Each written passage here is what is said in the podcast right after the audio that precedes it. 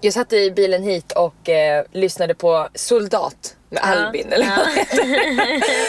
Och jag tycker att den är så himla härlig så att jag börjar gråta. Och så jag skriker med. Och så slår det mig att det är ju världens jävla medberoendelåt. Ja Det är bara, verkligen. jag har sett hur den där skiten Ja, ja, ja. alltid tär på dig. Jag kommer kriga för din Ja, skull ja, och ja. finnas där för dig. Vad är det de säger? Det är När du ganska- stupar nästa gång så vill jag bära Ja, dig. absolut. Alltså, fy det fan. är ju också ganska talande att det är han som rappar om hur många gånger han har mått dåligt i livet och hur allt har varit skit. Och hon, det är en tjej som Exakt. sjunger och hon sjunger bara om att hon ska bära honom då när allt går ut skit. Ja, så mitt i när jag sitter och är rörd så blir jag nästan, alltså då går mina tårar över till vansinnesutbrott. Nej men jag känner bara såhär, Nej men gud vad jag måste kämpa dagligen för att inte vara medberoende. Ja. Med allt och alla. Vad är medberoende? Det är när man underlättar Ja. och ljuger för någon annans dåliga beteende. Ja, det är väldigt vanligt i relationer alltså att man är medberoende.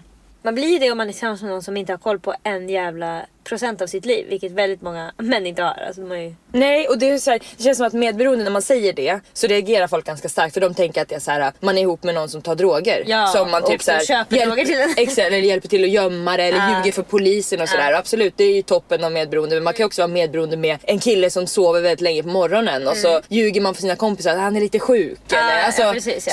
så. Och så ser man till att det finns frukost när han vaknar för att då är han sur. Eller? Exakt för att han inte ska säga något elakt till Ja, en. Typ. precis. Så ser man till att, för man vill ha det trevligt. Alltså det är det också. Ja. Att vara medberoende är ju liksom, det är ju något negativt, man vill ju inte vara det men man gör det ju för att hålla en trevlig och glad stämning. Bara Ja. att den andra aldrig hjälper till med det. Så att det blir bara en som får dra hela det lasset. ja det var så jävla Man tröttsamt. orkar ju inte bråka med en person varje morgon för att den går upp klockan halv ett.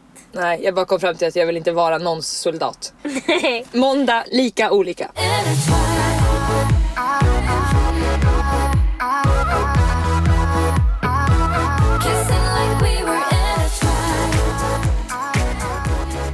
David älskar av någon anledning så har en väldig fetisch för Narcos-serier. Det Ja. finns ju tre säsonger av Narcos i Colombia, nu finns det en i Mexiko och så finns det en hel, jag tror två säsonger om El Chapo. Det han, som, han älskar dem. För oftast när vi kollar på serier så är det jag som säger kan vi se ett till, kan vi se ett till. Ja. När vi kollar på Narcos då är det jag som säger nu räcker det, nu har vi sett två avsnitt och han vill se ett. Men det är en spelserie. Ja, ja absolut. De är alltså jätte, jättebra. Det är inget Okej. sånt. Men alltså till exempel El Chapo har jag inte ens orkat sätta över sig. Du får kolla själv för att jag liksom Vad handlar det om? Det låter som det är om droger. det handlar bara om knarkbaroner eller knarkkarteller i Sydamerika. De är Mm. Ja. väldigt bra, alltså, de är väldigt bra gjorda, det är väldigt bra skådisar. Väldigt ofta lyckas de liksom få det att bli väldigt, väldigt spännande. Ja. Men i alla fall så var det en berättarröst i den här säsongen av Narcos i Mexiko som eh, liksom lite pratar under hela tiden. Man får inte veta vem det är men den pratar under hela säsongen. Som i Gossip Girl ju. Ja, lite så. Men han pratar om att när de börjar luska ut här hur hela det här knarkföretaget, hur det hänger ihop hela den här kartellen så är de liksom i olika divisioner hittar olika saker. Och då berättar han om att, jag vet inte om det var något indiskt ordspråk typ, att om ett gäng blinda personer känner på en elefant så känner de bara sin del. Någon känner bara ett ben och någon känner bara snabeln och så tror de att en elefant ser ut så. Aha. Fast de har ju bara känt på sin del. Och det tyckte jag var otroligt. Att man kan använda det i så mycket. Ja, det är som ryktesspridning. Att man bara ser sin lilla del Mm. och inte hela elefanten. Så därför vet man inte hur en elefant ser ut. Och det är bara något som man måste påminna sig själv om. Att man har inte hela bilden av någonting nästan. Nej. Och du behöver inte se hela elefanten. Man behöver inte vara så här, jag vet allt om allting. Men Mm. du måste förstå att du inte ser hela elefanten. Du har bara dragit tag i svansen. Mm. Och det är ju inte så en elefant ser ut. Det vet ju alla vi som har sett en hel elefant. Att det är mycket mer än svansen. Ja men det är som en nära kompis till oss som berättade att hon har en tjejkompis som är ganska dramatisk. Och då hade våran kompis tagit bort sin snapchat för hon tyckte inte om själva appen. Nej, hon ledsnade. Exakt, och så hade det varit lite så här halvdåligt mellan våran kompis och hennes kompis då som är dramatisk. Och efter ett tag så hade hon fått ett långt sms som hon skulle läsa då om hur hon liksom så här: Hur kan du blocka mig på snapchat? Hur kan du göra så här? Jag trodde vi var mer för varann. Och det är så himla talande för hon har bara svansen på elefanten. Ja, hon ser bara det hon själv har sett att hon och den här kompisen inte kan få kontakt via snapchat och drar sin egen slutsats. Så här ser en elefant ut, jag har blivit blockad. Och också att hennes inställning är ju att någonting dåligt har Mm, hänt. För absolut. man kan ju också alltid... Man kan ju ha- fria. Exakt. Men hon valde att fälla. Ja. Men jag tycker bara att det ska man ha med sig, att man aldrig ser hela elefanten. Att det är okej att inte göra det men du måste veta om att du kan inte anta att den lilla delen du vet är allt. Jag tycker verkligen att det kan man ju ha som en livsfilosofi. Ja, att man nästan. har alltid med sig elefanten och Ja, att man är verkligen. blind. Det är faktiskt helt fantastiskt. Jag lyssnade på Rebecca Stella och Vanessas podd där Vanessa säger att i jobbiga situationer så ska man tänka what would love do? Mm. Och som att då love är en person. Och den förstår ju att den bara ser en liten del av elefanten. Ja, verkligen. Och det är egentligen lite samma sak. Mm. Att man ska tänka bara så här: om jag bara var lite lugnare och lite godare helt enkelt nu i mitt psyke. Ja. Mm. Vad skulle jag då tänka hade hänt? Och att man också kanske tänker att det positiva kan också ha hänt och att man hakar fast sig vid det. Mm. Men det är återigen det att folk inte vill bli lurade. Ja, jag vet. Alltså finns det 10% av att bli blockad, då hellre jag bara, vad fan! Folk blir galna. Ja. Varför är ni så rädda för att bli lurade? Alltså jag är inte rädd för att bli lurad. Lura mig, alltså. Jag känner också det här gamla ordspråket Fool me once, shame on you. Fool me twice, shame on me. Det stämmer inte. Fool me once, shame on you. Fool me twice, shame on you still. Alltså Ja. varför ska jag ta skulden? Alltså, Fool me twice, vad är det för person? Twice, du är faktiskt rätt elak nu. Alltså det är fortfarande ingen shame on mig. Jag får bli lurad så jävla många gånger jag vill för jag tror gott om människor. Det är ju den dagen man hellre vill vara snäll än att vinna. Som man, man skiter i om man blir lurad. Ja. Ja.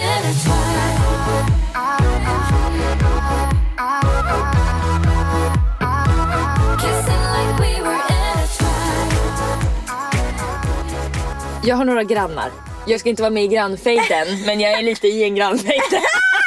Please tell me. Vänta, har du orsakat den? ja, Ja, det kunde jag gett mig fan på! Ja. nej men alltså, det började redan för länge sedan när vi flyttade in där vi har flyttat in. Det finns olika papperskorgar och det står vad det är för hus på varje papperskorg, alltså vilket det tillhör. Vi bor i 15 och sen finns det några som bor i 17 till exempel. Och de som bor i 17 står det så här 17E och 17F på. Ja. Men jag har bara slängt i vilken soptunna som helst för att jag har svårt att se bokstäver och siffror. Ja. Och inte tänkt, ja fan det här är tomt, jag lägger här. Varpå det har satts upp stora lappar på så här. respektera, det här tillhör 17E. Och jag bara så här känner, oj då, här var det någon som hade vaknat på fel sida och lägger i 17B. typ. Nej men nu, så nu har jag fått reda på att det finns en lite större grön som är för hela vårt hus där fyra personer bor. Så vi har en stor soptunna. Så den lägger jag i där nu och då är det brännbart där. Och nu har vi flyttat från vinden ju till en ny våning. Så att vi har köpt massa nya grejer. Vi har köpt juicepressar och det är nya kaffemaskiner och det är lampor. Alltså det har varit hysteriskt mycket kartonger. Det har till och med varit kartonger till en stor, ja, den här stora soffan vi har pratat om. Så att vi inte har kunnat komma fram i lägenheten. Nej. Och eh, jag har åkt och lämnat mycket till så här återvinning och sen så när jag går förbi soptunnan där en dag så ser jag, nej men det är ju en blå soptunna som det står kartonger på. Perfekt tycker Ja, slipper jag åka. Så jag fyller upp den där dag efter dag det, Perfekt! töms och jag fyller på igen och jag ja du vet så här. Ja så igår så ska jag gå ner i lugna ro med lite Alla- kartonger. Alltså du vet jag bär som Famnen full av kartonger. Ja, packar väl glad i hågen. Och då kommer en dam då som bor i 17F Mm. och eh, hon säger till mig med ganska snäll ton så här. Hej vart hade du tänkt slänga det där? Då säger jag i lådan som står kartonger på. säger jag. Hon bara det finns ingen sån. Då säger jag jo det gör det. Jo då, ska Det jag visa dig? Kom med! Nej, hon säger till mig, då kan vi gå och kolla tillsammans. Jag bara absolut, jag är helt säker, jag har läst det flera gånger. Och jag började, och jag kommer dit tidigare än henne för det är en tant som ska gå efter mig. Så jag kommer dit så jag börjar lägga lite i brännbart och sen så börjar jag vika upp kartongerna och ska lägga då i blåa lådan där det står kartonger på. Och hon pekar såhär, nej det står bara tidningar här. Och jag går runt och kollar, ja men nej här står det kartonger och så pekar jag. Läser ordentligt, det står kataloger. Ah, det är verkligen du att läsa Det kataloger. är samma jävla ord! alltså, jag kan inte vara den första som läser Nej. kartonger. Dessutom så sa jag till min kusin häromdagen, för hon skulle gå hemifrån mig. Jag bara, kan du ta de här kartongerna? Det finns en som det står kartonger på. Ja. Och hon har lagt dem där. Ja. Så att, jag menar, letar man efter det, det ordet så ser man det. Så hittar man det. Ja, så att jag får börja ta ur de där kartongerna ur hennes tidningslåda. Medan hon sitter och pratar, ja det är så att miljön är viktig. Och jag bara, ja jo, mm, jo, jo, jo. Ja, dyslexi också. Fy fan. Men jag tycker verkligen att det är, alltså. Du blir ju ofta chockad av att, alltså hur kan det här systemet funka för att det inte funkar för dig? Nej men sen Och också. alltså, jag förstår det därför att det måste finnas fler som dig som läser kartong där det står katalog. Ja hon trodde ju inte heller på det. Alltså Nej. hon tyckte ju bara att jag bortförklarade mig. Så hon sa ju det, ja nästa gång så kan du tänka på miljön. Ja, alltså det var inte och så här nästa gång kan du läsa ordentligt. Nej. Det trodde hon inte på för hon kan läsa katalog. men jag känner ändå Hon behövde veta att hon inte såg hela elefanten. Det. Ja, verkligen. Hon behöver veta att jag hade en extra lärare i svenska längst bak i klassrummet. Men i vilket fall. Nej, men jag tycker ändå att det är skönt för personer som mig som gör såna här fel. För att det känns som att hela det här sociala medier och allting har hjälpt oss att se att det finns andra som oss. Tidigare har det verkligen varit så här. det är liksom dampbarn, det är Ja, folk ja, som ja, inte ja. fattar någonting, man är ointelligent, Ja. man är en idiot om man läser fel. Om man läser sto- det är stora bokstäver. Alltså, Ja, ja, ja. liksom- Alltså, ja. det ska gå att läsa. Det- Ja. Sjuåringar kan läsa det. Exakt, jag var tvungen att peka på varje 27-åringar. bokstav vi- för att jag skulle visa tanten. Ja, här är Kartong, man inte säga katalog. ja. Nej men till exempel Amanda Schulman la upp häromdagen när hon och hennes syster Hanna Videll gör ju kläder, de är designers. Mm. Och de gör inte så jättemycket plagg, de liksom släpper 10 plagg åt Mm. gången ungefär. Och hon vet inte vad de heter. Nej. Hanna filmar Amanda och hon bara ja vad är det här? Hon bara ja om jag ändå visste vad den här hette. Ja, nej, jag har ingen koll på Nej, det. då, det är hennes favoritskjorta. Ja, vet hon har gjort den själv. Ja. Alltså, ja, ja. Hon har säkert också döpt den. Men hon minns ändå inte vad den Exakt, heter. hon har tyckt att det är ett fantastiskt Ja. namn. Och det ledde mig också till vår kompis Charlotte som älskar musik men vet aldrig vad låtarna heter. Vilket gör att folk tycker inte att det kan vara hennes favoritartist, det kan inte Mm. Vara hennes favoritlåt för hon vet inte. vad den heter. Men det här är liksom, det är Amandas Men hon vet fan favoritskjorta. hur den känns. Det ska du veta. Exakt. och jo men om man känner sig till exempel olik sina föräldrar. Nu gör ju inte jag det. Mm. Nej. Men jag kan tänka mig att många sitter i min båt och känner att man är dålig på sådana saker som man liksom inte inom situationstecken ska vara dålig Mm. på. Men inte kan identifiera sig med någonting. Men bland annat häromdagen så skulle jag eh, Det är nog också väldigt många som känner som du som inte säger. Alltså, jag tror att många blir att man liksom inte säger någonting. Man blir tyst bara och tänker så här, det här kan jag ännu inte göra så jag säger inget och låter Ja. andra prata. Jag säger inte att jag trodde det stod kartong utan jag säger bara att oj jag hatar miljön. Alltså för att de tycker det Ja, är lättare. Nej men bland annat häromdagen så skulle jag, jag har haft ett samarbete med Tradera på min Instagram där jag la upp en pop-up shop och så skulle jag skicka iväg alla de här kläderna. Och då fick jag mail om att så här, ah, du har fått in pengarna på ditt konto. Och så läser jag fyra sista kontosiffrorna för det är så här, stjärna, stjärna, stjärna så står det det har läckts in på det här kontot. Så jag går in på mitt konto, jag har inte fått pengarna och jag bara så här, det här är inte mitt konto. Det är Nej. inte mina fyra sista siffror. Nej. Så jag skickar till mamma, jag bara är det ditt konto som ligger inne? Och mamma bara nej det är det inte. Och jag bara, ja jag minns inte vad det var nu men 38, 35. Ja. Ja, så går jag in i min bank, jag bara fan. Och så sitter Armin bredvid, han bara men du har ju sista 38, 35. Jag bara, Du ser inget. jag bara, ja men gud det har jag ju! Ja, men för första, hur kan jag inte veta det? Alltså det är varje gång man shoppar står det ju fyra sista. Ja men det kunde inte jag. Nej men i alla fall, så jag skriver sms till min mamma så här, gud det var mitt nummer. Och då skriver hon haha exakt som mig. Sen skulle jag exakt också gjort. Och så skrev hon, man är säker på att man har rätt, har aldrig rätt. Och så, så pratade jag också med min pappa häromdagen när jag var där på middag. För att jag har bokat biljett till Thailand ju. Och så sa jag, jag var så himla stolt över att jag har bokat rätt datum och rätt så här, Jag måste kolla 50 000 gånger. För jag har läst kartong flera gånger men det står katalog. Så även om jag ser att det är 5 december så är det ta fan alltid 15 eller 75. 5 Alltså det- november, det är redan för sent. Ja, då berättar pappa att han har bokat så många biljetter fel. Han har bokat fel år och kommit till ett hotell och de bara “There's no Mr Anchorman here”. bara “There's a Mr Anchorman 2017”. Alltså, ja. Yes I'm him, Ja. the future. Nej men och så berättade han en så otrolig historia. Han har alltid haft så här chefsposter på sina olika säljjobb för att han är som mig väldigt så här, liksom socialt begåvad och duktig på sälj. Men han kan egentligen ingen struktur. Nej. Han bara sätter sig i den situationen och så bara gör han. Och så det är ju enklare för honom för att han är man också. Såklart. Så han kan ju liksom komma undan med i princip vad som helst. Och då berättade han att för några år sedan så hade det gått så bra i företaget som han jobbade i. Då skulle han ta med sig alla säljarna till något härligt land.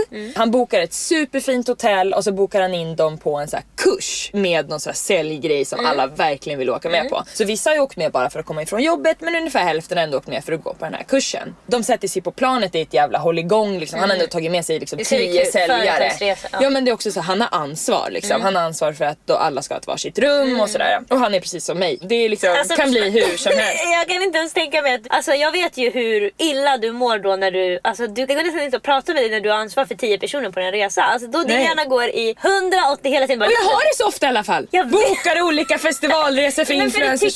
Är så kul. Det är jättekul. Men du skulle ju, alltså det enda du behöver är en assistent som kan Ja. hålla koll på jag pappersarbetet. vet. Som bredvid. Ja, Du men- bara skriker ut vi ska åka dit! Och sen där! Och sen jag gör bra stämning på bussen och fixar sponsorer. Och kommer på vart man ska åka. Alltså Mm. allt det. De kommer i alla fall till det här landet, alla säljarna och pappa. De checkar in på det här fina hotellet, allting är härligt. De åker ut till den här kursen, det är någon så här fin liksom, eventlokal. Kommer dit och pappa säger att det ligger liksom så här slängda typ namnskyltar på lite olika ställen. Han hade vänt sig liksom. De står och väntar värdinnor och det är liksom är fint så här. Han känner att det liksom ser ut som en ja men det har varit en fest Ja, där. precis. De kommer på efterfest. Ja exakt, han fattar ingenting och blir lite så här, liksom, obekväm i kläderna och kollar lite på säljarna och kollar tillbaka och bara hittar typ någon städare och bara så här: var är de ansvariga? Så bara nej det är inga här idag, det är ingen kurs idag. Så han har bokat alltså helt fel datum, tagit med sig alla de här säljarna. Ja. Det är ingen kurs. Nej, kursen har varit. Alltså jag fick såna rysningar i magen när pappa sa det till mig för jag får sån panik att det skulle vara jag. Ja, det kan verkligen hända. Alltså gud, och det, jag sa det till honom, det finns ju också alltid personer som vill fälla en. Alltså särskilt när man är en sån person som jag och pappa Mm. ja, är. verkligen. Som folk gillar, som hörs och syns. Ja. Ja. Varför är han då? våran chef när han Ja. inte liksom förstår vad det är för datum? Det är klart att folk irriterar sig på det, de som är Absolut. bra på datum. Exakt, som tycker det är liksom basic. Det är one-on-one att man kan hålla koll på datumen. Medan det för er är alltså en extrem expertkurs. Exakt, så pappa fick ju då ralla igång och säga nu ska vi åka och spela minigolf och köpte in drinkar och så. Det blev ju liksom bra stämning Ja, ändå. Men fy fan! Och, har, och kasta ut på bordet. 88 påsar med chips. Och alltså att ha ansvar över 10 personer och liksom säga att nu har det gått så bra för företaget så nu ska ni få åka på den här kursen och folk så här, fixar barnvakt och tar Ja, ledigt alltså från det är andra vuxna, grejer. det är var- vuxna som exakt, det är, det. liksom- de ska inte åka på skolresa Nej. och det är liksom, de kunde inte åka på det här Det är inte ens badhuset. nära vänner som man kan säga Nej. ut bort med de säger spelar för roll. Ja, så att jag tycker ändå att det är ganska skönt att spegla mig på mamma och pappa för Mm. att det friar ju mina lite sämre sidor som de också har och visar också att de bra sidorna som mamma och pappa har, har också jag Mm. och att jag kan vara stolt över dem. Men de som inte har föräldrar som är så här så tycker jag även att det syns mycket i sociala medier och det är skönt för oss Mm. som inte kan läsa kartong.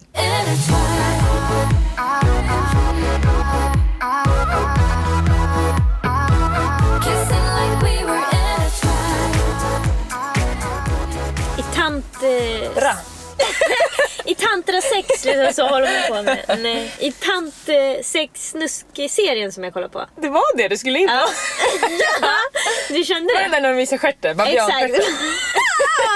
Det finns ju som serie också. Okej. Men i alla fall så är det en karaktär där som heter Jamie som är den här uh, skotska killen som hon åker tillbaka i tiden för att få ligga med. Liksom, Yes. i princip. Eller, ja, de är kära också men jag kan säga att det är väldigt mycket ligga. Men han är ju då, alltså han lever på 1700-talet, han är uppvuxen på 1700-talet så han har väldigt mycket 1700-tals värderingar. Vad innebär det då? Mm, ja, det är det jag ska komma till. En, Okej. en sådan i alla fall. Ja. Han ifrågasätter aldrig vad som krävs av honom, alltså vad han måste göra. Utan om det är så här, ah, någon har dött så han måste ta över ett stort slott. Då är han så här, okej, då gör han det. Och när hon Mm. säger så här, men gud känns det jobbigt? Han bara, det, vad har jag liksom?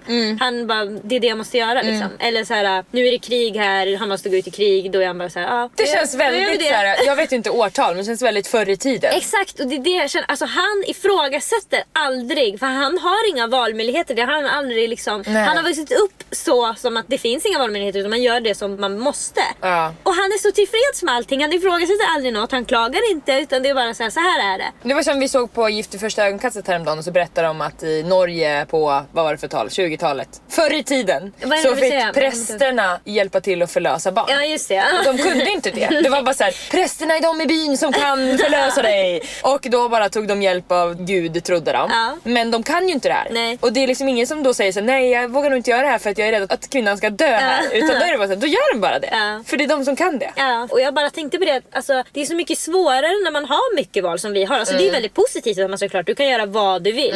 Men när du kan göra vad du vill, alltså, då bara okej, var ska jag ens börja? Mm. Alltså, det är bara om någon frågar sig vad vill du äta så blir man ju helt såhär... Eh, Ja, vi lever verkligen i en tid av valmöjligheter. Du kan välja alltså, Tinder med vem du vill vara med och om du vill gifta dig eller inte med personen eller om du bara vill gå hem och ligga med personen. Du Ja. kan liksom du kan välja, vart du ska, bo, vilket med. land. Ja, du kan bo var som helst i världen. Det är liksom inte Mm. så vanligt. Nu kan du bo var som helst i världen och ha kontakt med alla du känner hemma. Men just också de här små valen som du säger, välja mat, då ska man få vill du- hemkörning. Du får ska välja man... exakt vad du vill ha på dig. Alltså. Det känns som att det, så var det inte ens liksom 60-70-tal. Så var Mm. det så här, man klär sig på ett visst sätt annars blir man typ alltså, sedd som en galning. Mm. Och nu krävs det ganska mycket mer för att bli sedd som en galning. Man fick ju inte ens välja vem man skulle vara ihop med liksom. Nej. Då blev man bara ihoptutad med någon. Ja, verkligen lever vi... Alltså det är ju väldigt positivt såklart för... Verkligen, absolut mest positivt. Men det gör ju också kanske att vi också då tvivlar på det vi har valt. Var det verkligen bäst? Jag hade Mm. kunnat valt det där, det där, där, där. Men nu står jag här och så är man rädd att man ska ångra sig då. För personer som är veliga är det här jobbigt problem. för dem. Ja.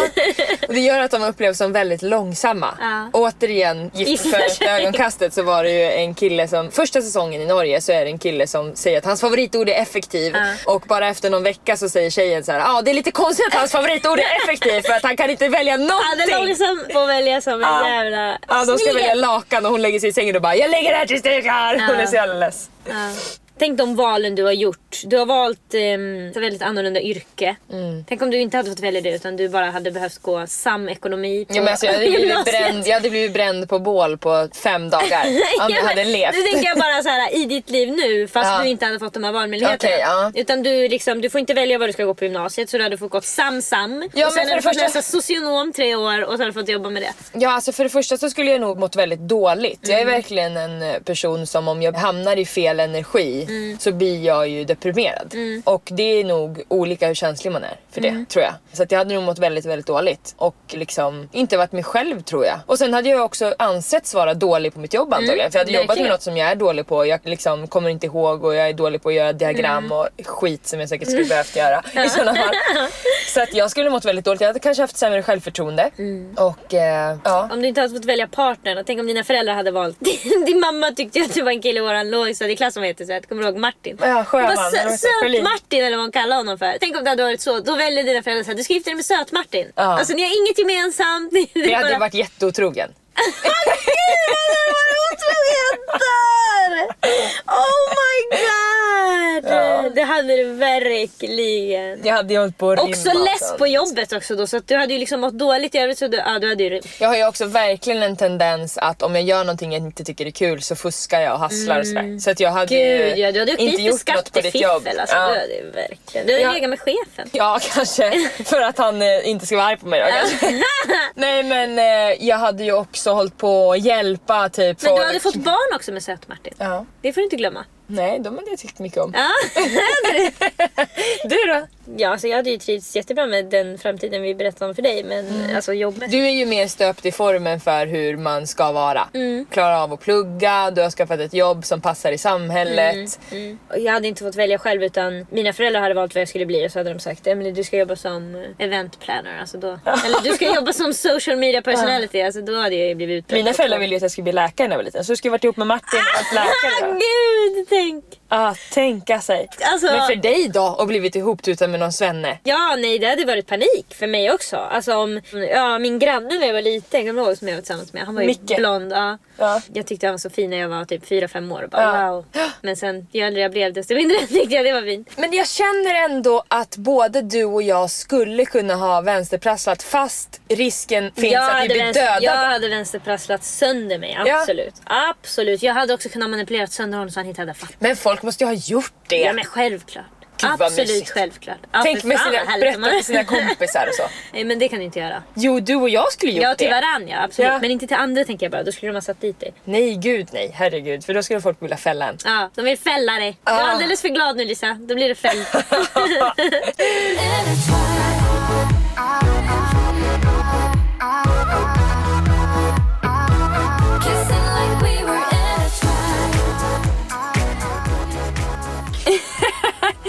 men jag är så himla glad. Därför vi har Me som sponsor igen!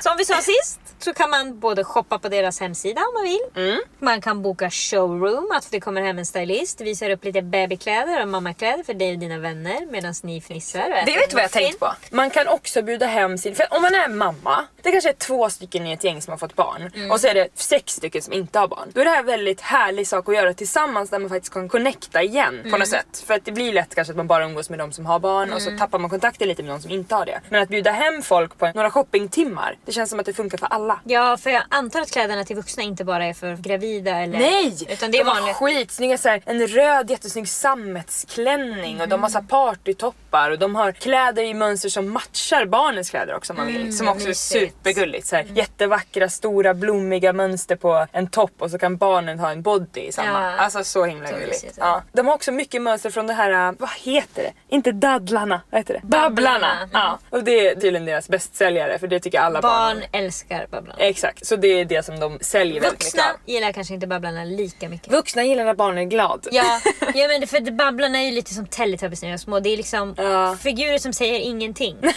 Men gör barnen glada. Ja barnen blir jätteglada för det är Ja. färger typ. Alltså, men det är som vuxen är det bara, det finns liksom ingen riktig röd tråd har jag upplevt när jag har kollat på Babblarna i alla fall. Du har kollat det väl? Jag har kollat på Babblarna ja. Det är alltså kostnadsfritt att boka ett sånt här uh, home party eller showroom då som jag har valt att kalla det.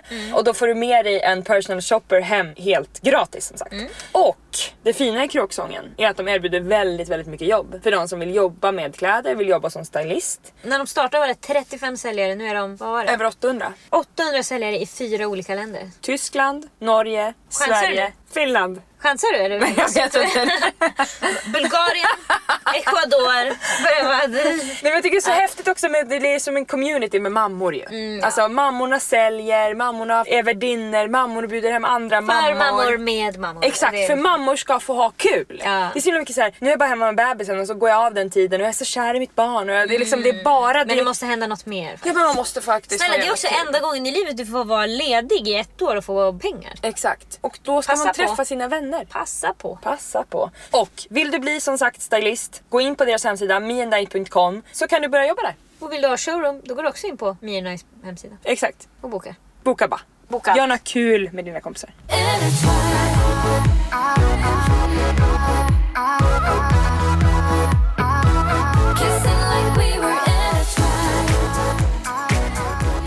Lisa, Yes! det har blivit dags att öppna mailkorgen. Fy fan vad mysigt. Behöver du hjälp med någonting? Då svarar vi. Okej Emily, låt oss öppna mailkorgen. Här har vi fått ett mail som har en titel som är Hjärnspöken och för mycket känslor. Oj oj oj, det låter trevligt. Mm, så här skriver hen. Jag behöver er hjälp. För några veckor sedan matchade jag med en kille via Tinder och det sa klick direkt. Ifrån den dagen har vi pratat i telefon och smsat med varandra under större delen av dagarna. Vi bor drygt 20 mil från varandra men vi har vid några tillfällen träffats och allt har känts super. Vad är 20 mil i två timmar med bil?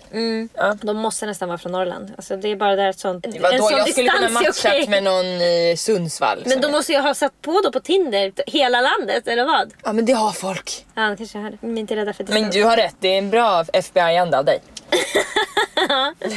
Ja. Allt har känts super. Så fort vi lämnat varandra har det kommit sms från honom där han förklarar att han haft supermysiga dagar med mig och så vidare. Men senaste dagarna har han typ bara försvunnit. Han svarar knappt på sms och när han väl gör det så känns han frånvarande. Jag vet att allt är otroligt nytt men min magkänsla säger att han är undvikande. Jag som är en känslomänniska och väldigt ärlig person frågade honom rätt ut om han vill ses i helgen. Hans svar var att vi kan väl se längre fram under veckan om vi kan ses och att han inte kan bestämma nu och nämnde även att distansen gör att det blir knepigt att ses ibland. Men distansen är ingen nyhet för någon av oss. Han har mycket som händer i sitt privatliv vilket han varit ärligt med från start och att hans jobb är otroligt påfrestande då han jobbar i en annan stad i vardagarna vilket inte gör saken bättre för hans del. Men ska jag bara sitta och vänta på att han vill prata? Hur vet man om han är intresserad? Jag berättade för honom att jag börjar tycka om honom och han är stundtals så supergullig, skriver hur fin jag är och så vidare. Och helt plötsligt så hörs vi knappt inte av. Igår fick jag ett sms av honom där han frågade hur min dag varit och sen svarade han inte mer. Jag försökte ringa honom på kvällen men inget svar. Nu ett dygn senare i skrivande stund så kom ett sms från honom där han skrev Nu är jag hemma från jobbet, vad gör du? Gud jag måste bli så glad medan hon skrev. Ja, Verkligen! Ge mig era råd och tankar. Jag vet inte vad jag ska göra. Han ger mig hjärnspöken. Vad tror ni? Vad hade ni gjort? Bara släppt honom. Jag tänker på honom hela tiden men samtidigt äter det upp mig känslomässigt. Ja, alltså min första tanke var så att det finns ju ett alternativ att han vill spela ett spel. Men vid närmare eftertanke när jag tänker på mejlet så är det ju också så att de har haft det väldigt mysigt. Han har verkligen bekräftat henne, skrivit gulliga sms. Det Precis, att, det är för sent att börja gamea. Exakt, man börjar inte gamea efter några veckor. Nej, Alltså nej. då är det liksom så här. Så att, Då är det alltså, något psykiskt problem. Jag ska... Alltså om man gör det. Mm. ja men antingen, Ja. Mm. tänker jag, så är det så att han är rädd för kärleken. Vilket många killar är för de blir lärda sedan de är små att det är dåligt att ha en flickvän. Det är Ja, vet du, jag, var, pinsamt. jag var på en utbildning om HBTQ och där de pratade lite om könsroller. HBTQ. Ja, säg fel. Nej det lät gulligt bara. HBTQ kanske man. Exakt. Men i alla fall, där pratade de om att fram tills man är 12 år så gråter båda könen lika mycket. Och sen så gråter inte det andra mer. Åh! För fan alltså, och du vet ju också hur alltså, de mest emotionella människorna nästan på jorden är 12-åriga killar. Alltså killar mellan 9 och 12 år. De gråter, de skriker, de, blir så, de har så jävla mycket känslor. Ja. Alltså de är verkligen, man kan se en, en 11-åring på stan med sina föräldrar och så bara händer något och de, alltså, de gråter, de blir helt röda i ansiktet, alltså man får så mycket känslor. Min brorsa bet i golvet minns jag för han Ah. kände så mycket. Ja nej men det finns ju verkligen en risk då att han känner att nej jag vill inte ha flickvän och nu börjar jag känna för mycket så jag tar avstånd. Den risken finns. Finns. Men det finns ju också en överhängande risk att han inte är intresserad för att han pratar med andra tjejer. Ja, alltså att de har klickat och nu har det börjat droppa av på det här viset. Det tycker jag är lite tecken på att Mm. Det något, osar ex. det osar, precis, det osar ex eller ny flört. Ja. Alltså det gör det. Tyvärr gör det det. Ja det gör verkligen det. Men både du och jag tycker ju verkligen att man ska pusha på för att komma till antingen avslut eller början. Alltså grejen om du pratar med en kille, han är lite avvisande, du vill att det ska hända mera. Mm. Då kan du, alltså jag själv skulle skicka sms varje gång jag tänkte på något. Så, Hej nu tänker jag på dig, jag sitter och kollar på en film, det vore så mysigt du var här. Och sen hej nu är jag ute på promenad, såg en fågel, påminner om dig. Alltså, Mm. Ja. Jag skiter i om han svarar eller inte, jag skulle skicka varje gång jag tänkte på honom. Jag Mm. skulle inte kunna hålla mig, varför ska jag göra det? Om vi ska bli ihop ska vi bli ihop. Alltså, vi är kära nu, Mm. enligt mig. På väg att bli i alla fall. Och det som kan hända då är att han tycker det här är en psykopat, henne vill jag inte ha nära mig och så Mm. försvinner han. Eller så känner han det här är den gulligaste tjejen i världshistorien, jag är kär i henne nu. Mm. Så det är de två man har. Och om man inte skulle bli kär i skulle han inte bli det oavsett om du sitter på kammaren och väntar eller om du skriver varje gång. ja. Så att den enda risken du tar genom att vara för mycket på när det är någon du gillar, det är att den då är lite osäker på sina känslor, skulle ha blivit säkrare om du bara hade varit lite mer avvisande. Ja. Det är den lilla, lilla risken. Och jag vet inte, alltså, jag är inte så intresserad heller av killar som gillar att man är lite avvisande. Alltså när man är det på ett påhittat sätt. Att vara avvisande, det är det enklaste sättet att skapa mystik och Ja. Mm. kanske då attraktion eller åtrå.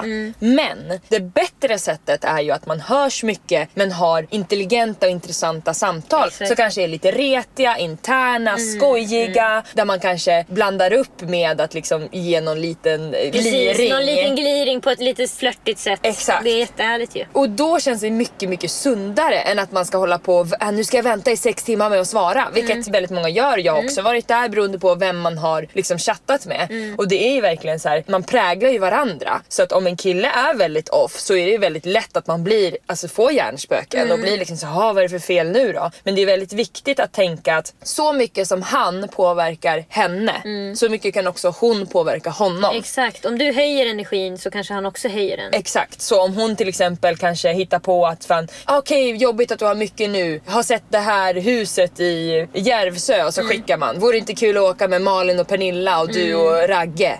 Fatta vad kul, Pernilla skulle ju spy Mm. Ja, i en buske. precis. Och så Jag har längtar tills jag får se Ragge på morgonen med Exakt, morgonfrisyr. och kanske till och med så här, skulle vara så mysigt att skeda med dig i Mm, våningssängen. Ja. Haha. Haha. Alltså då känns det ändå så här, då har hon planterat. Alltså om någon kille skriver något sånt till mig som jag är intresserad Ja. av, alltså då ramlar jag av stolen. Men jag håller med. Ja, jag blir tokig då. Ja och det kan också vara så här, Måste någon ha. som man inte är jätteintresserad av. För vi säger att han, det har svalnat, han kanske chattar med en annan tjej samtidigt, Mm. håller på och väljer, bla bla bla. De är inte ihop, han får göra som han vill. Men om hon då är på och visar så här, en framtid med mig kan Mm. Den faktiskt vara väldigt kul.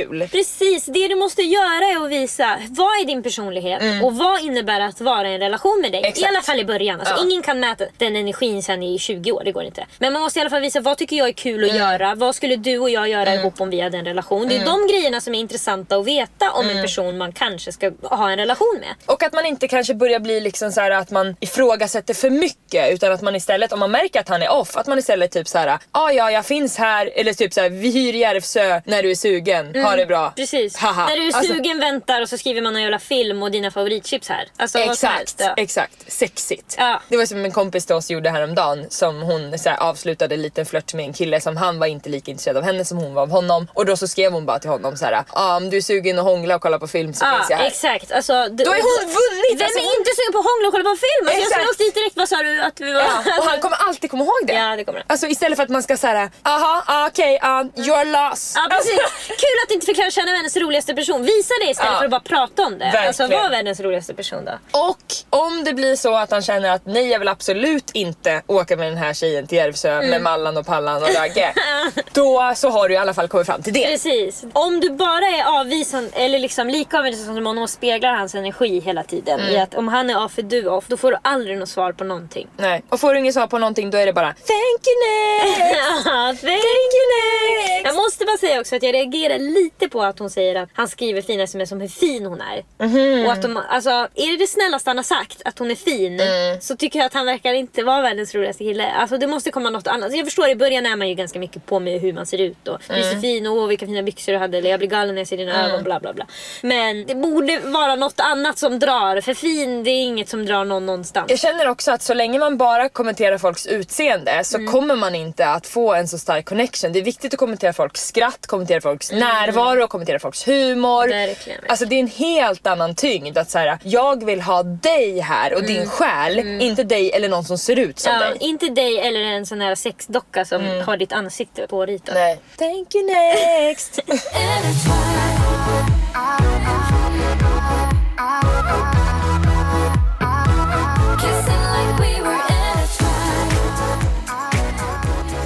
Gud vad jag har längtat att svara på mail. Kan vi inte ta ett till? jo visst. Alltså, det var så härligt. Vänta där, jag måste då... Det känns också som att vi är fler i podden på något sätt. Som att hon sitter här och vi kan prata med henne. Fast hon kan inte säga någonting. Vi bara pratar åt henne. Sitter hemma och börjar grina åt att vi säger att han är med någon annan. Men, Ja, ja. ledsen att det blev så. Ja, men måste vara ju vara brut- brutalt ärlig. Brutalt Nu är det dags att vi är brutalt ärliga här. Okej, jag har tagit fram här. Podden kommer ju heta brutalt ärlig och svansen på elefanten. vi tar den här. Ämnet är Från en känslomänniska till en annan. Till mig då? Ja, antagligen. Men jag läser det då.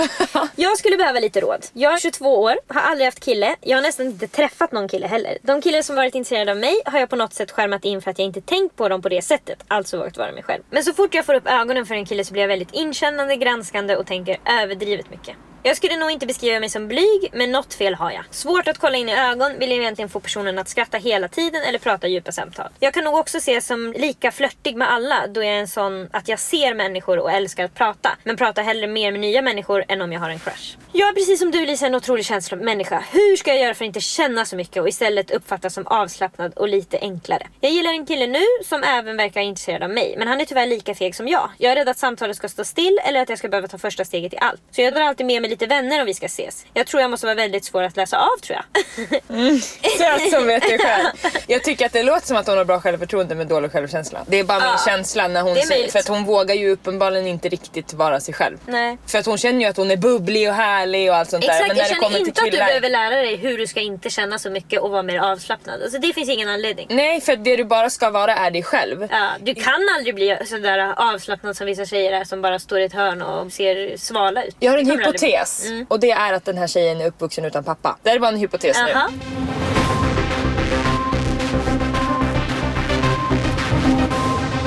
Det här är Lisas info utan källa med Lisa Ankarman. Därför att jag tänker att hon inte är så van att ha alltså, nära kontakt med killar. Och om det inte är så i det här fallet så tänker jag att det kan vara så för andra som lyssnar. För det har vi ju också en vän som liksom aldrig haft killkompisar, inte har bra kontakt med sin pappa och hon är liksom... Och inga bröder heller för att det är oftast, alltså, Exakt. det är oftast i sin familj man kan få en naturlig relation till män utan att det finns något sexuellt involverat. Det hon som skickar in nu i och för sig säger att hon har bra kontakt med alla som hon inte är intresserad av. Så att hon är ju bubblig och så med killar och Men så. det är nog självkänsloproblem det där att så fort Jag hon tror tycker att det. det är något så då blir hon helt ställd och tycker inte att hon räcker Hon, till. för exakt, det det. hon tycker inte att hon räcker till. Nej. Varför ska han tycka om mig? Ja. Och då handlar det verkligen om att bygga upp sin självkänsla. Och hur gör man det då? Ja, gör man det liksom? man får gå, jag vet inte, varken du eller jag behövt göra det här. Nej men det känns ju som att man... eh, Alltså man måste ju kanske lite hjärntvätta om sig. Ja. Varje gång ens hjärna säger "Ah, varför skulle han gilla dig så får du bara liksom mota i dörren och säga varför skulle han inte gilla mig? Jag är hur bra som helst. Och varje gång den säger "Ah, nu skämmer du ut dig, du pratar för mycket. Ska du säga ursäkta alla vill höra när jag pratar. Det kan också vara värt, nu är hon bara 22 år så hon har verkligen hela livet framför sig och det är inte konstigt att hon inte har haft en pojkvän. Visst har hon inte det? Nej det är verkligen inte konstigt. Nej, så det behöver hon inte känna. Nej. Men däremot om man tycker att det är ett stort problem och man känner att det här stoppar mig liksom dagligen och jag vill komma framåt så kan man ju gå i KBT till exempel. Mm, det kan man göra. För att lära sig liksom, vad kommer det här ifrån, varför är det så här för mig? För att jag känner inte riktigt igen den här personen heller som är så här jätteframåt men inte... Jo jag har en killkompis förresten som pratar jättemycket med tjejer och är jätteintresserad och liksom kan återkoppla till saker som man pratade om sist när man inte träffats på två månader. verkligen. Men så fort han känner att han är intresserad av någon då går han till andra sidan rummet. Ah. Så det är ju någonting. Där är självkänslan hos honom också Ja, garanterat. jag tror det med. Då räcker han inte till. Inte som partner för det är starkare. Som kompis, ja Mm. då funkar det. Då är han rolig och då kan han leva upp till allas krav. Men som partner där tycker de båda då att de saknar Ja, något. det han har varit med om också det är ju att han har blivit dumpad på ett ganska brutalt sätt. Och män överlag går ju inte igenom sina trauman. Nej. Vilket gör att han fortfarande är i det här traumat. Alltså går igenom menar jag med eh, luftar, pratar Ja. med sina vänner, Nej. pratar med psykolog, pratar med sina föräldrar. Det är inte okej att han ska vara ledsen, han ska vara ledsen i en vecka. Ja, och och då ska han bara- gå ut och kröka tycker kompisarna. Support nu Du går då! på strippklubb! Man bara alltså snälla jag vill hem, åka hem och grina. Ja, Absolut verkligen. inte vara bakfull för då känns det som att jag ska dö. Åh gud ja, åh för fan. Så det har han behövt gå igenom då. Mm. Och sen så känner väl han då att han är helt enkelt för rädd för att gå in i någonting. Ja, alltså han vill väl inte bli sådär ledsen igen. Nej. Det vill ju ingen. Så hur ska hon göra? Ja, alltså jag tycker det handlar mycket om att öva också. Alltså pressa sig. Ja. Hon är bra på att prata, hon är bra på att skratta och charma och hon är bubblig och så. Men sen säger hon att hon inte har lätt att kolla någon i ögonen. Och det är alltså då när hon känner att hon gillar någon men inte vet jag annars. inte. Jo, tyckte hon skrev det. Jo, svårt att kolla in i ögonen vill antingen få personen att skratta hela tiden eller prata djupa samtal. Och jag måste säga att få personen att skratta hela tiden och prata djupa samtal, det är det alla killar som du är intresserad av vill göra med dig. Alltså det är liksom det man vill göra med den som man är intresserad av. Så det är inget konstigt att du vill göra det. Nej gud, det är precis. Det vill man ju göra när man är förälskad. Ja. Man vill alltså bara göra allt med den. så djupt som möjligt. ja, verkligen. Dyk in i mig. Jag känner lite så här faktiskt här. Carpe diem. Måste jag dra fram ett gammalt latinskt uttryck? Nej, men alltså, här, man lever en gång, det är kort som fan. Gör något som känns lite obehagligt. Kolla i ögonen i alla fall fast det känns jobbigt. Pressa sig. Mm. Ja. Sen, vi, kommer du ihåg att vi blev tipsade i skolan när vi var små att man kan kolla mellan ögonen? Ja, jag vet, det är genialiskt. Jag kollar nu, hur ser det ut? Helt okej. Jag tar med dina. Jag kunde inte lyssna för jag tittade mellan dina. Så jag hade inget svar. Helt okej, då visste du inte. Nej men jag tycker hon ska pressa sig ärligt talat. Hon är en bubblig härlig tjej, Ja. hon klarar det här. Ja, det är inget problem. Du får bara låtsas att du tycker killen är ful och prata med honom så kommer det gå jättebra. Ja och mycket sitter i tanken. När jag fotade för Rapunzel sist så fotade jag och två stycken superprofessionella modeller som är bokade från agenturer som gör det här varenda dag. Det gör verkligen inte jag. Jag har inte heller självförtroende på det sättet med mitt ansikte Nej. som de har. Man såg hur de bara posade och allting och jag typ log och typ det blir bra. jag är glad. Och då måste jag tänka hela tiden, jag kan det här, Ja. det blir bra, jag är lika bra som dem, jag är här av en anledning, de vill ha mig här. Alltså så här, annars skulle jag börjat gråta. Mm, ja, och det är det hon måste göra också. Exakt, han vill ha mig här, han vill att jag ska prata med honom. Det finns en anledning. Och grejen är att hon måste tänka också på killar älskar tjejer. Alltså han vill så gärna prata med henne. Mm, det vill han verkligen. Och det kanske inte är något fel heller att skriva upp ett litet flörtigt sms och skicka till honom om han nu också är så blyg. Vem har suttit och flörtat ordentligt med någon rakt framför den andra? Få som inte har varit påverkade av alkohol. Exakt. Skriv ett sms. Ja, det är dags att smsa. Ja. Flörtigt.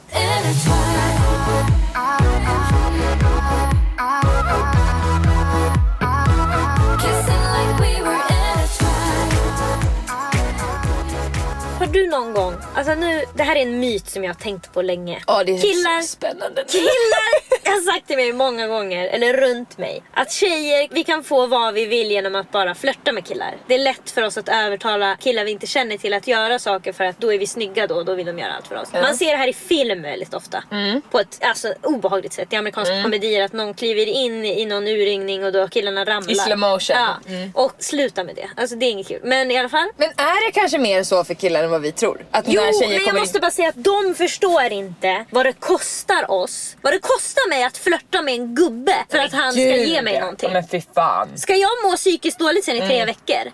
Jag kan berätta en historia från Man vill mitt inte eget heller liv. ge honom Jag det. vill absolut inte ge honom det. För ofta kan jag må illa av att vissa gubbar eller män som jag tycker ser alltså, motbjudande ut. Mm. Jag kan nästan se på dem att de tycker inte det skulle vara något konstigt att de och jag skulle vara ett par. Nej. Det skulle de tycka var så kan det bli, Och så det är kan det mycket- absolut inte Det är bli. mycket porrens fel. Säkert. Ja. Nu vill jag att du ska berätta en historia ur ditt eget liv. Jag ska berätta en historia om mitt eget liv. Jag mådde så otroligt illa efter det här hade hänt. Okej. Det var när jag skulle åka till Laos så var man tvungen att fixa visum. Så Ah. jag var tvungen att åka till Laos ambassad. Ja. Den ligger någonstans ute i Stockholm på några så här konstiga öar. Jag kommer inte ihåg om det är någon Essingen eller sånt där de heter. Ja. Någon sån konstig ö. Alltså jag är i ett bostadsområde. Mm. Jag tag i bussen dit själv. Man tror att man är fel hela tiden. Jag är fel, jag är 100%. Jag går in liksom till någons villa och där står det då Laos ambassad, eller det står Embassy of People's Republic, Democratic Republic of Laos. Så jag trycker och då, du vet bara att jag ska behöva kommunicera med någon där inne. Liksom, Det som känns svarar ju som, Hallå? det Hallå? som en mordserie. Verkligen. Och jag kommer in där, jag ska ha mina papper och jag ska ha mitt pass. Och då när jag letar bland mina grejer ser jag jag har inte pappret. Nej! Pappret ligger kvar hemma. Ah. Och jag bor i Uppsala och är i Stockholm. Ja. Och det här är enda gången... Du är på Lilla Essingen i en villa. Ja, det här är enda gången jag har tid att göra det här innan jag ska åka. Mm. Ingen annan dag är jag ledig när de är öppet. Så jag,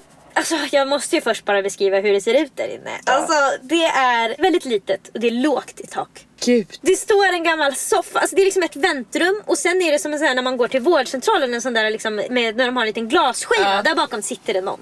Det är också extremt varmt. Alltså det är 38 grader där inne och det är november. Är det i somras? Det är november. Aha. Men det är 38 grader inne i rummet. Ja. Och det hänger ju liksom lite så här, alltså det är liksom inrätt på ett eh, sydöstasiatiskt vis med Ja. den här typen av, liksom, de kan ju ha såna här liksom, små flaggor typ. Fast de är inte flaggor men det är som små banderoller som Ja, hänger och så ja.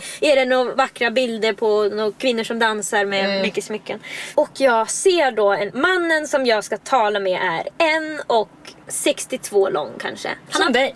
Kanske till och med kortare än mig. Men han är i min längd. Ja. Han har på sig en för stor kavaj. Ja. Alltså väldigt ofta tycker jag faktiskt att just män från den här regionen av Asien har stora kavajer. Det är sant. Varför har de det? De som jobbar inom regeringen och som har officie- sådana typer av officiella yrken. Det kan ju också bara vara mode. Alltså det ska inte vara Ja, tight precis. för att det är då liksom Ja, det- bögigt det är någon- typ ja, och det är inte bra Men han där. har en för lång Fast det är fan, de är jätteöppna för sånt i och för sig. Ja, Jag vet fortsätt. Det var, han har i alla fall kostym med en väldigt lång kavaj. Mm. Och han är kanske 40 år år. Och då känner jag bara så här, hur ska jag komma ur det här nu? så att jag tänker att jag ser ju också på hans blick. Jag kommer in med långt blont hår som är lockat.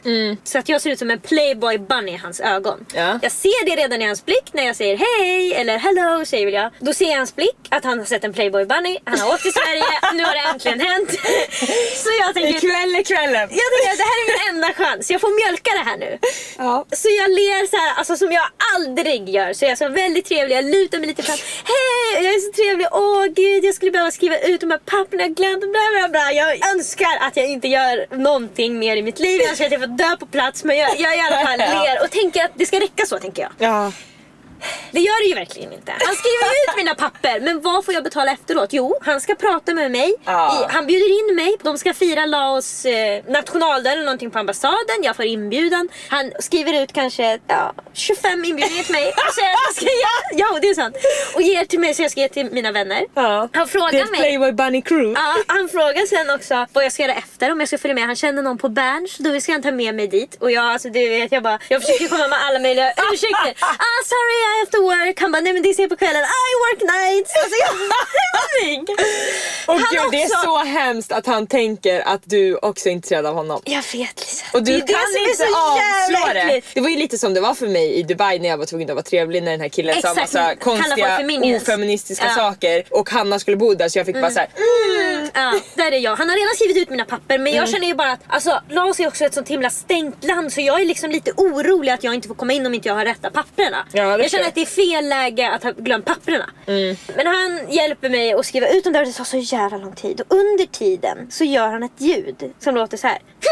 Alltså han blåser ut luft hårt ur näsan hela tiden. Alltså var 20 sekund. Så att det låter fan. nästan som att han, jag tror i början att han lite så här frustskrattar. Så, här, som, Ah, att, ah, ah. som att han kom på något lustigt. Ah, så, jag, så jag kollar flera gånger så här, som Ah. att vad var det som var kul. Ah. Men sen inser jag att han bara gör det här extremt obehagliga ljudet. Det luktar ju också väldigt speciellt där inne. För att det är så varmt! Kan du, jag har vinterjacka, det är 38 grader! Kan du tänka dig om, nu vet jag inte var den här historien slutar men jag tänker att den slutar nog inte så dåligt för då hade du berättat det för mig. Men kan du tänka dig om det hade hänt typ att han hade våldtagit en eller att man hade varit tafsat på en eller någonting sånt. Vad det där ljudet hade satt sig. Ja, fy fan Lisa. Och jag tänker också, när jag först har fått honom att skriva ut papperna och jag sitter och skriver i dem, alltså då tänker jag bara, ja jag skulle ju kunna bli spion. Alltså, jag skulle kunna jobba undercover.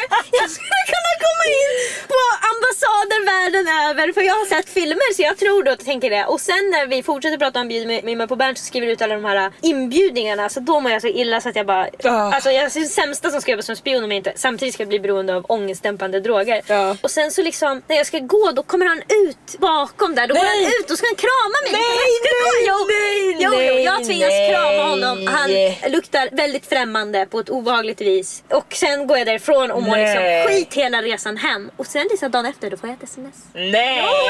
Jag har skrivit in mitt nummer på de där papperna för det ska man göra. Så får inte han göra. Nej men han skriver bara typ såhär, ah, det blev fel med ditt pass, kan du skicka ett foto på ditt pass? Alltså det, men, Det vill man inte heller. Nej alltså jag tänkte bara nu börjas det. Ja. Alltså nu kommer han börja skriva mer här. Nu får jag en stalker. Ja, nu är det, ja, då, var, då var vi igång. Ja. Alltså, du vet, jag frågar ju också såhär, ah, do you like Sweden? Alltså för att jag är trevlig. Nej för det frågar du varje gång. det är jag intresserad av. Men det, alltså jag mådde What do you så- think is different here in Sweden from Laos? Can you please tell me? oh, okay. Yeah. Yes, Alltså fy fan vad jag mådde dåligt. Alltså det bara sköljde ångest och illamående över mig hela vägen när jag åkte hem. Och när jag får sms så tänkte jag bara den här mardrömmen kommer aldrig ta slut. Nej. För jag tänkte nu okej jag är i alla fall, det är över liksom. Vet du vad man också är i som är så jävla obehagligt? När mannen är i en beroendeställning vilket ju händer ofta eftersom att männen ofta har högre positioner på Du menar olika att jobb. jag är i beroendeställning av dem? Ja heter det så? Ja, du är beroende av dem Ja, ja. Precis, jag måste få För något av du honom. vet inte, han kan alltså när som helst ta bort ditt visum. Han, Exakt. han har kontroll över din resa tills du ska åka. Så du måste svara på hans sms. Yes. Du må, yes! Yes, I did! När han... alltså, när, det värsta var verkligen Sådär lät det. Åh fy fan. Alltså han blåste ut hårt genom näsan. Jag vet inte varför, om han hade en sjukdom eller om det var något Han är tics. tics ja. Det är Han tics. tics. Ja absolut. Men det du säger nu om beroendeställningen påminner mig jättemycket om. Det finns en bild på ett par, det är en man och en kvinna. Och mannen håller i en pilbåge. Och kvinnan håller i, eh, nu kommer jag inte riktigt ihåg men jag tror att på något vis är det, de håller tillsammans i en pilbåge med en pil. Jag tror att mannen håller i bågen och kvinnan håller i den här strängen. Och så hänger hon lite bakåt. Eller om det är tvärtom. Det är någonting i alla fall som att det visar hur kvinnor är beroende av att män ska vara snälla mot dem hela tiden. För att om han släpper, det är liksom som att pilen pekar rätt mot hennes hjärta. Släpper han så dör hon. Och hon har inget annat val än att lita på att han inte ska släppa. Och det är lite så vi går igenom världen. Därför att vi måste hela tiden lita på att de inte ska göra oss någonting. Exakt. Det är alltid var vi än är, vilken Ja. man jag än möter på gatan, i mitt hem, på mitt jobb, var som helst så måste jag lita på att de Mm. inte ska göra någonting mot mig. För jag har inget annat val. Nej. Jag kan inte sätta upp någon form av barriär utan om de vill så kan de skada mig i princip när som helst. Exakt, du är inte starkare och dessutom så kommer antagligen inte samhället att skydda dig. Nej, det de kommer inte åka fast om de gör någonting. Och det förväntas Folk kommer inte mycket- tro på dig om du berättar det för dem. Nej, Alltså, och jag ska alltid försätta mig i de här olika situationerna. Det är inget konstigt att det är Mm. någon liksom, byggarbetssnubbe som ska komma hem till mig när jag är själv hemma. Det är normalt. Då Ja. får inte jag säga det vill jag inte. Men folk fattar inte hur rädd man är då. Hur rädd man i alla fall kan vara. Nej men alltså om det jag måste säga, om jag är hemma hos mig Mm. och det kommer in en man som ska lämna ett paket, som ska skruva ihop en hylla, Ja, som ska vad som helst. Som jag inte har träffat förut då. Jag är på min vakt alltså. Ja. Då är det verkligen så, jag vet inte vem som är i mitt hus nu. Och jag har hört historier om vad som kan hända. Det här läste jag också på Twitter ganska liknande. Det var en kvinna som skulle sälja en tvättmaskin i USA. Så, hon sa att hon ville inte att någon skulle komma när inte hennes man var hemma. Men så var det någon kille som då till slut fick det till att ja, men jag kan komma exakt nu. Ja okej. Och så ska de tillsammans lyfta upp tvättmaskinen upp för en trappa från källaren och hon går längst ner. Och så märker hon liksom att det blir tyngre och tyngre och tyngre för henne. Och hon liksom börjar svettas. Och hon kollar på honom och då ler han och säger så här, ah, nu börjar det... Alltså, nå- han säger något sexuellt om att hon börjar bli svettig och att han tycker det är sexigt. Och hon står där och håller i en tvättmaskin. Hon är själv hemma med en man hon inte känner som hon märker nu har Man vågar inte säga emot heller för man vill inte att han ska Nej, bli arg. nej, hon säger ingenting. Hon typ "Hä?" och går upp bara. Och sen berättar hon för sin man när han kommer hem. Och han, jag kommer inte ihåg vad som hände sen. Jag har för mig att han till och med kom tillbaka någon gång. För nu vet han ju var de bor. Ja. Alltså, hon har ju släppt in honom i sitt hem. Och det kan vara såna enkla saker att vi inte kan. För män finns det en risk. För det mesta våldet som män utför, utför de mot andra män. Absolut. Men vi utför inget våld mot Nej. dem. Men vi blir Nej. ändå utsatta för väldigt Ja, då mycket. är man ju rädd att han ska släppa diskmaskinen eller tvättmaskinen så att den hamnar på en Ja. så att man är skadad Ja. och sen så ska han göra vad fan Alltså han vill. bara att de har sagt något ger en rysning hela... Det är som när jag tog av mig tjocktröjan en gång på pendeln så är det någon gubbe som säger oj, så där kan ni inte hålla på. Men fy Jag tar av mig fan. tjocktröjan. Då har jag klätt av mig. Då tycker han att vi är sexuellt... Alltså jag känner inte honom. Jag sitter på ett annat ställe. Men man vill inte lära känna honom heller. Så det vill håll bara inte. munnen. Men bara, alltså, det är så obehagligt att få de här påminnelserna om att de alltid ser en som en sexuell varelse som Ja. går omkring. För de tycker den här flörteriet har börjat bara av att man finns. Exakt. Så har det påbörjats. För jag har ju kommit in i rummet och sett söt ut. Det tycker de är steg ett. Alltså det har jag gjort. Jag tror återigen att det är mycket porrens fel. Kissing